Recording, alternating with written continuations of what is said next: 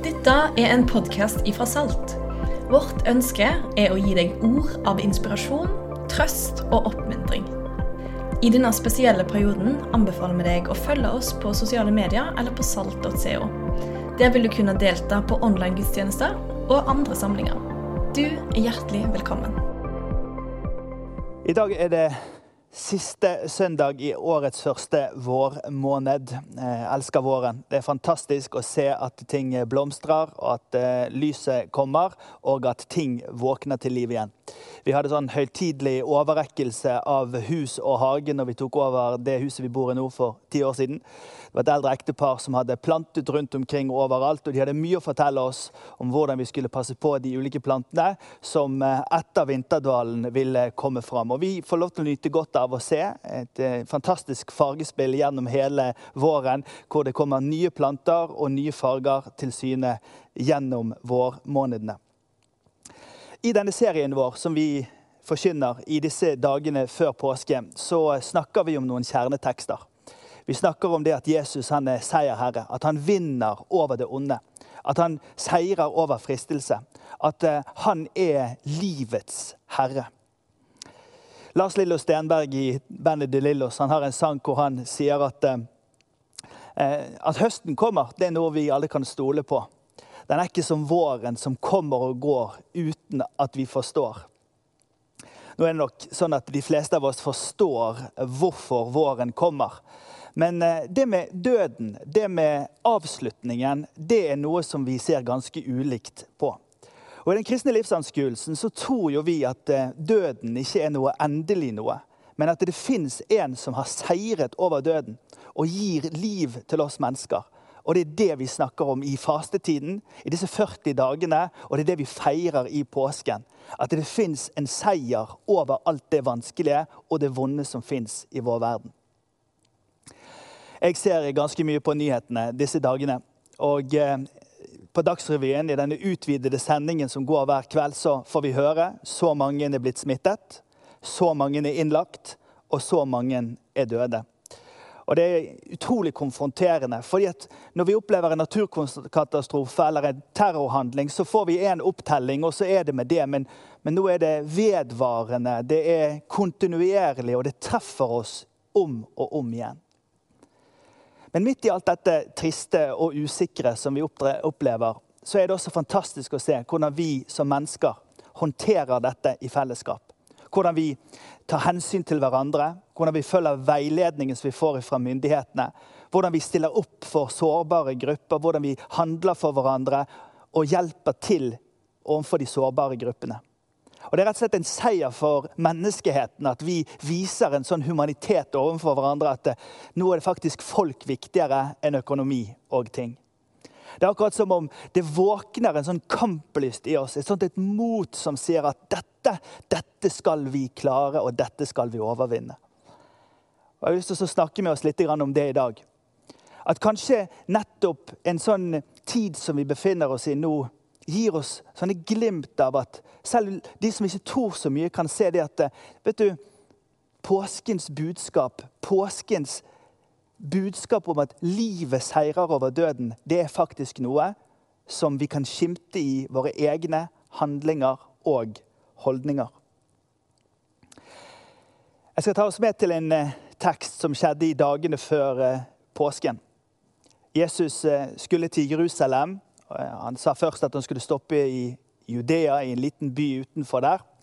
Og Disiplene hans de protesterte fordi de sa at sist du var der, så ble det opprør. Du må ikke gå dit, men Jesus insisterte.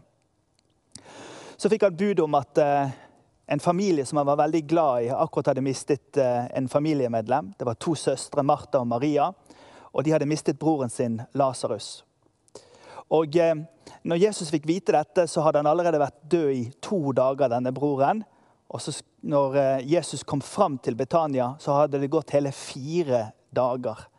Og vi leser sammen fra Johannes evangelium, kapittel 11, vers 32.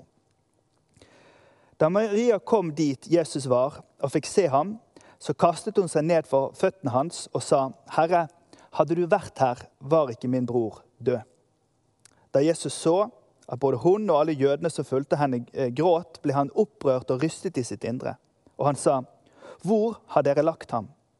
'Herre, kom og se', sa de. Jesus gråt. Se hvor glad han var i ham, sa jødene. Men noen av dem sa, kunne ikke han som åpnet øynene på den blinde, også ha hindret at denne mannen døde? Jesus ble igjen opprørt og gikk bort til graven. Det var en hule, og det lå en stein foran åpningen. Og Jesus sier, ta steinen bort. Herre, sa Martha, den døde søster, det lukter alt av ham. Han har ligget der i fire dager i graven. Og Jesus sier til henne, sa jeg deg ikke at hvis du tror, så skal du få se Guds herlighet. Så tok de bort stein. Jesus løftet blikket mot himmelen og sa, Far, jeg takker deg for du har hørt meg. Jeg vet at du alltid hører meg, men jeg sier dette på grunn av at folk som står omkring, at de skal tro på Han som har sendt meg. Da han hadde sagt dette, ropte han høyt. Lasarus, kom ut. Da kom den døde ut, med liksvøpe rundt hendene og føttene og med et tørkle bundet for ansiktet. Jesus sa til dem, løs ham og la ham gå. Lasarus, kom ut. Uten tvil så er det dette som er hovedpunktet i den teksten som vi leser. At den døde kommer ut. Hvilket stort mirakel Jesus demonstrerer her. Men han gjør dette i dagene før påsken for å gi et pek fremover til det han sjøl skal oppleve, med noen markante forskjeller som vi skal komme tilbake til snart. Men historiens høyde er at livet seirer over døden. Og Historien i hele kapittel 11 her har et fantastisk persongalleri, og det er lett for oss å kjenne oss igjen i de ulike personene. Noen kjenner seg igjen i disiplene til Jesus som sier her, 'Ikke gå dit. Jeg er redd for den konflikten som oppstår'. Andre vil kjenne seg igjen i Martha, denne søsteren som eh, var en lederskikkelse, som arbeidet så hardt, og som, som gjerne uttrykte noe tvil og anklage i måten hun snakket på. Andre kan kjenne seg igjen i Maria, som med sin varme, men allikevel også spørrende ønsket at Jesus skulle vært nær. Men jeg har lyst til i løpet av de neste få minuttene å spørre meg og deg om det fins en annen person i denne historien som vi akkurat nå, i den tiden vi lever i, også kan kjenne oss igjen i.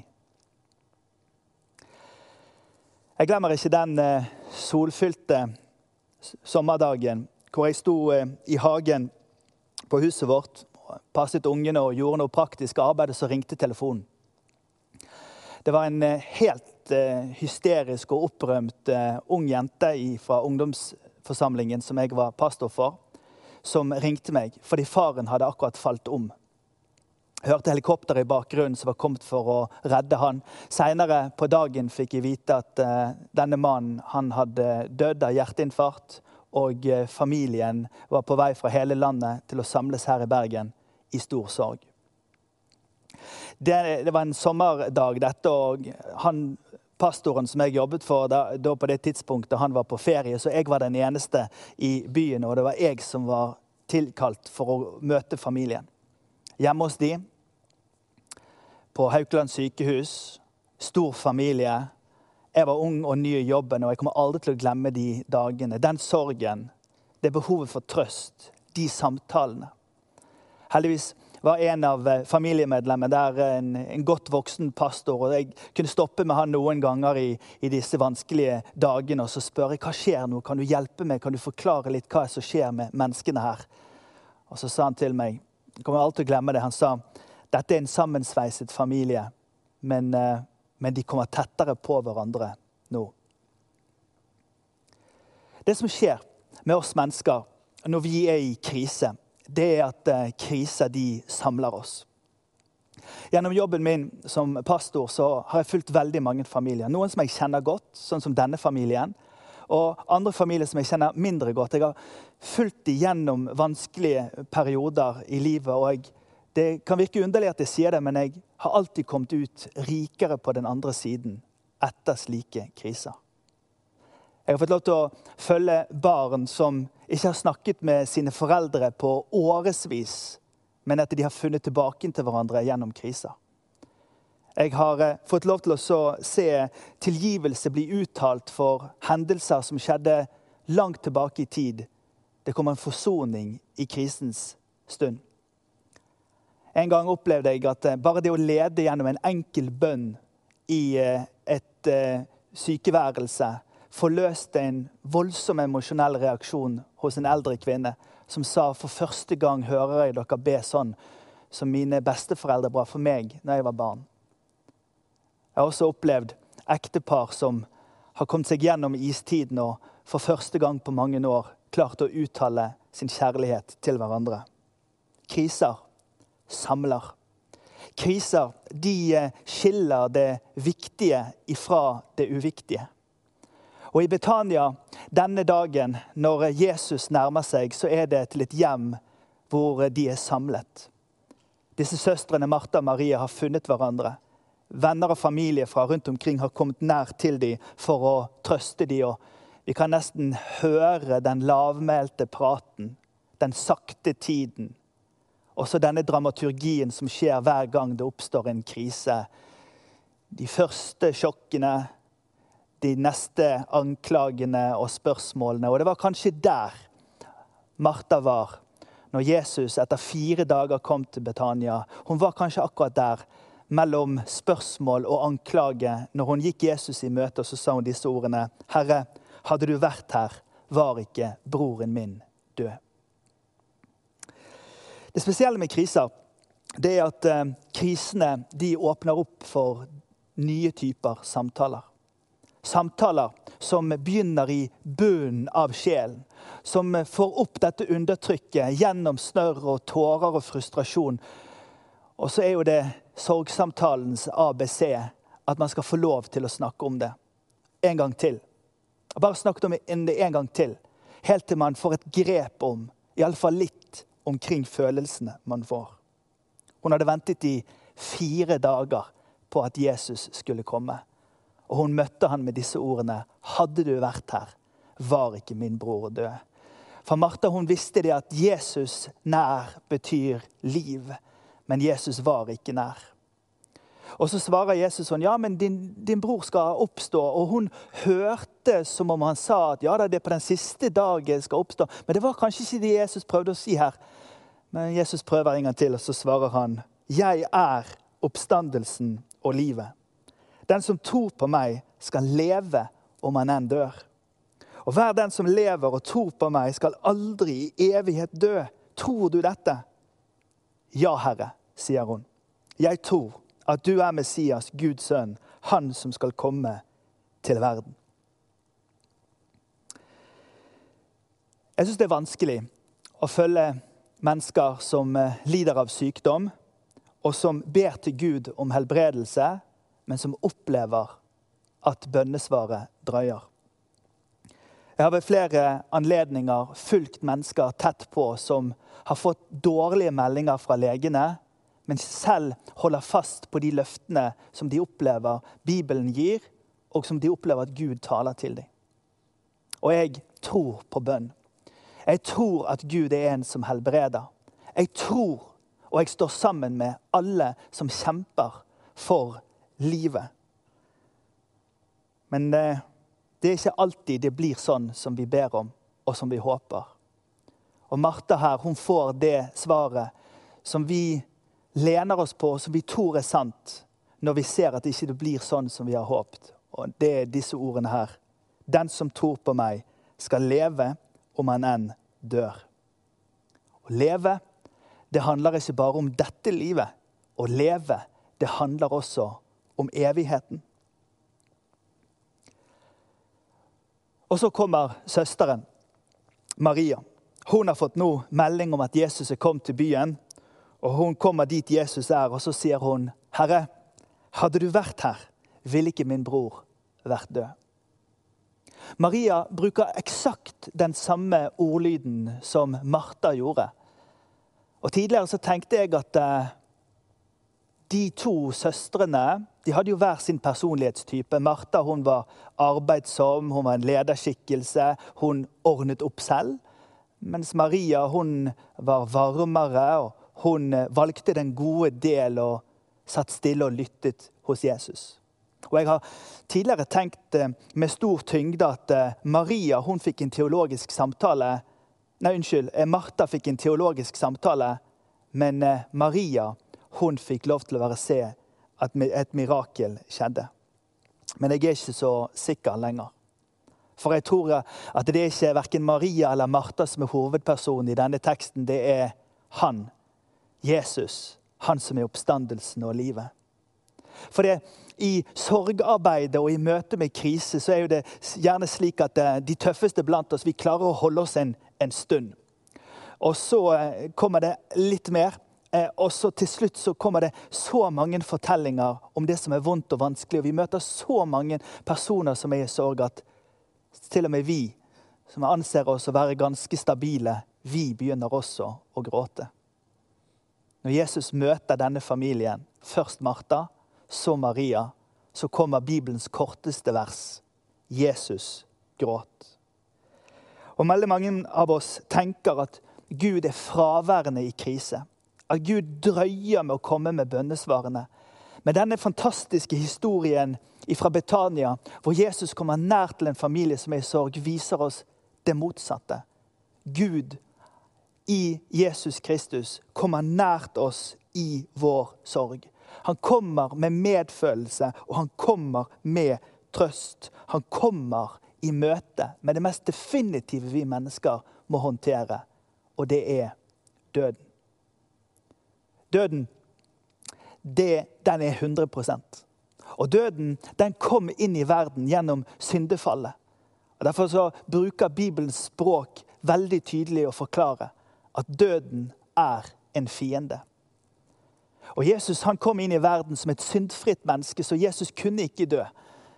Men det står i Hebreabrevet kapittel 2 vers 9 at han måtte smake døden for oss. I den kristne teologien så er det slik at døden som fiende ble oppslukt av livet fordi at Jesus Kristus kom hit og seiret over den. Krisen får fram en annen type samtaler. Krisen, den samler. Men krisens sum, den leder oss til et sentrum hvor livet skal få seire. Jesus eh, blir tatt med til stedet hvor eh, de har lagt han. Og så roper han disse ordene. 'Ta bort steinen', sier han. Og da protesterer Martha. Og jeg tenker, Kunne ikke hun bare vært stille bare denne ene gangen? Men hun er frampå igjen og sier at han har vært død i fire dager. Han lukter allerede. Men Jesus er bastant på at nå skal jeg demonstrere at livet er sterkere enn døden. Så det som skjer, det er at eh, Jesus han befaler Lasarus, kom ut, sier han. Og så kommer den døde ut. Med liksvøp rundt hender og føtter og med et tørkle bundet over ansiktet. Og Jesus sa til dem, løs ham og la ham gå. Lasarus kommer ut av graven. Han kommer ut som et menneske. Og de av oss som tror på bønn for syke, de av oss som ber om at Gud skal helbrede og reise opp, vi erfarer også at Gud helbreder. Og vi erfarer at Gud gir mer tid og lengre liv. Men Lasarus kommer ut med klærne på, og det er en kontrast til det som skal skje uken etterpå, når Jesus står opp ifra de døde. For når Jesus står opp ifra de døde, så ligger likklærne igjen inne i graven. Fordi Jesus er ikke i forgjengeligheten, men Lasarus han er i forgjengeligheten. Og han har fortsatt klærne på. Når vi leser denne teksten, så kan vi kjenne oss igjen i frykten hos disiplene. Noen kan kjenne seg igjen i Martha sin vantro og anklage. Andre kan kjenne seg igjen i Maria sin varme og mildhet, men samtidig spørrende holdning. 'Jesus, hadde du vært her?' Men jeg eh, spør oss her i dag om kanskje det er Lasarus vi er i denne fortellingen. At det kanskje til oss at Herren i dag sier 'kom ut til livet'. Den store apologeten C.S. Lewis han eh, skrev artikler og journaler hvor han ga betraktninger teologisk om eh, ting som skjedde i hans samtid. Og eh, For noen tiår tilbake så var den store trusselen det som handlet om atombomben og hvordan atomkraften kunne være ødeleggende for mennesker.